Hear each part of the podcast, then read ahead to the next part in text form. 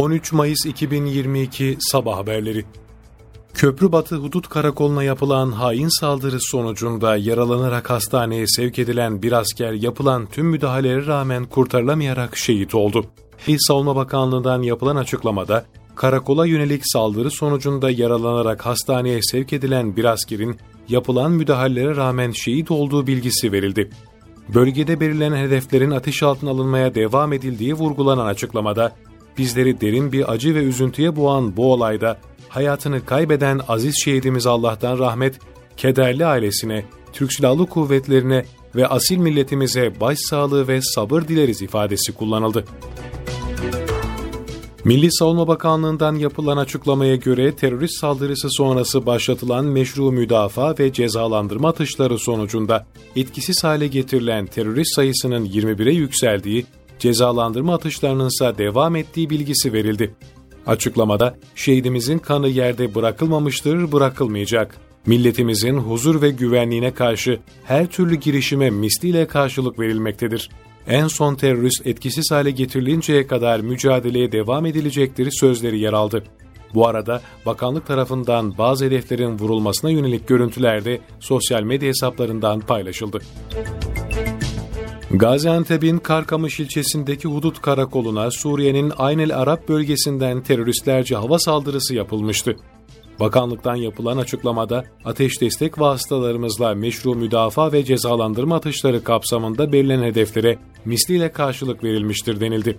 Yapılan cezalandırma atışları sonucunda 6 terörist etkisiz hale getirildi. Toplumsal şiddetle mücadele için önemli bir adım daha atıldı. Kadına ve sağlık çalışanlarına yönelik şiddetin cezasını arttıran düzenleme meclisten geçti. Sağlık Bakanı Fahrettin Koca, kadına ve sağlık çalışanlarına yönelik şiddetin önlenmesine ilişkin kanun teklifinin kabulü sebebiyle sosyal medya hesabından açıklama yaptı.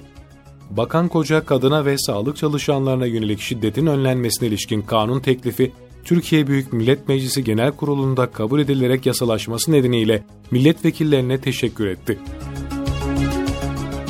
Cumhurbaşkanı Erdoğan, spor aşkı engel tanımaz diyerek Milliyetin Bakanlığımıza bağlı 81 ilde 500 özel eğitim okuluna farklı engel gruplarının kullanımına sunmak üzere üretilmiş 27.259 adet spor malzemesi yola çıkıyor ifadesini kullandı.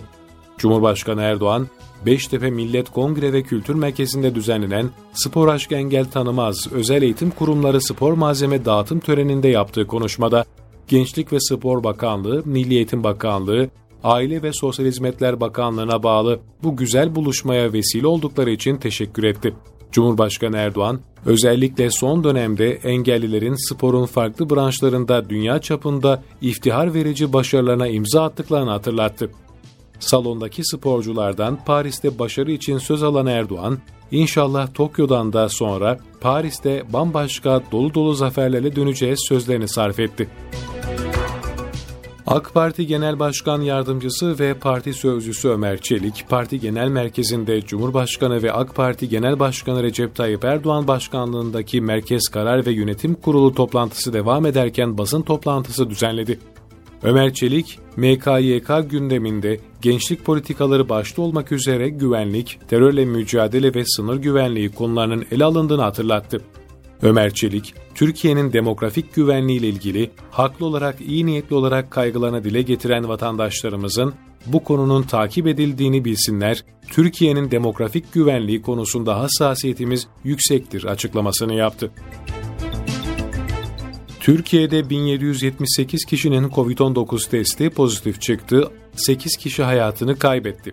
Sağlık Bakanlığı'nın paylaştığı günlük koronavirüs tablosuna göre dün 135.738 COVID-19 testi yapıldı, 1778 kişinin testi pozitif çıktı, 8 kişi hayatını kaybetti.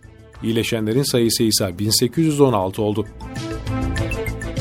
İsrail polisi işgal altındaki Batı Şeria'da öldürülen El Cezire televizyonu muhabiri Şirin Ebu Akile için Doğu Kudüs'te taziyelerin kabul edildiği eve baskın düzenledi. İsrail polisleri Doğu Kudüs'ün Beyt Hanina semtinde Ellika Kilisesi'nde yer alan taziye evine baskın yaparak burada bulunan bazılarını hafif yaraladı. Lika Kilisesi'ne asılan Filistin bayrağını indirerek el koyan İsrail polisi daha sonra gazeteci Şirin Ebu Akile'nin kardeşi Antoine'ı ifadeye çağırdı. Danimarka'da ırkçı Sıkı Yön Partisi lideri Rasmus Paludan, İsveç'in Västra Götaland bölgesinde Müslümanların yoğun olduğu Frölunda, Boras ve Toratan yerleşim birimlerinde polis koruması altında Kur'an-ı Kerim yaktı. Karşı göstericilerin tepki gösterdiği provokasyonda Paludan'ı yaklaşık 100 polis korurken İsveç İstihbarat Teşkilatı'ndan 10 sivil polis de yakın koruma sağladı. Paludan provokasyon yapacağı gösteri yerine istihbarata ait kurşun geçirmez zırhlı araçta götürülürken 20 polis aracı kendisine eşlik etti.